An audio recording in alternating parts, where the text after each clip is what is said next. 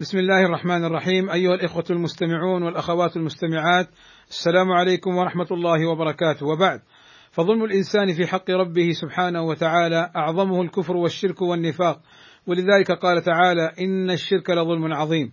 وقد بين النبي صلى الله عليه وسلم أن من لم يشرك له الأمن وأن من أشرك لا أمن له وأن الشرك ظلم عظيم. فعن عبد الله رضي الله عنه قال لما نزلت الذين آمنوا ولم يلبسوا إيمانهم بظلم شق ذلك على المسلمين. فقالوا يا رسول الله أينا لا يظلم نفسه؟ قال ليس ذلك إنما هو الشرك.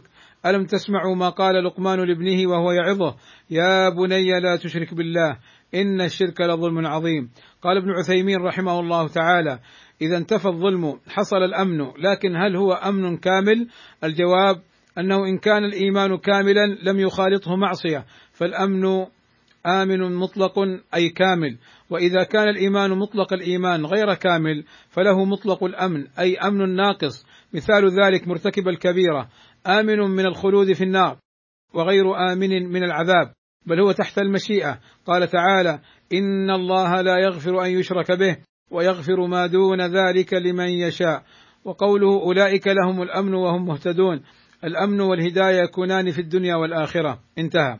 والشرك سبب للظلم والفواحش والتوحيد سبب للعدل والطيبات. قال ابن قيم الجوزية رحمه الله تعالى الشرك يدعو إلى الظلم والفواحش كما أن الإخلاص والتوحيد يصرفهما عن صاحبه. انتهى.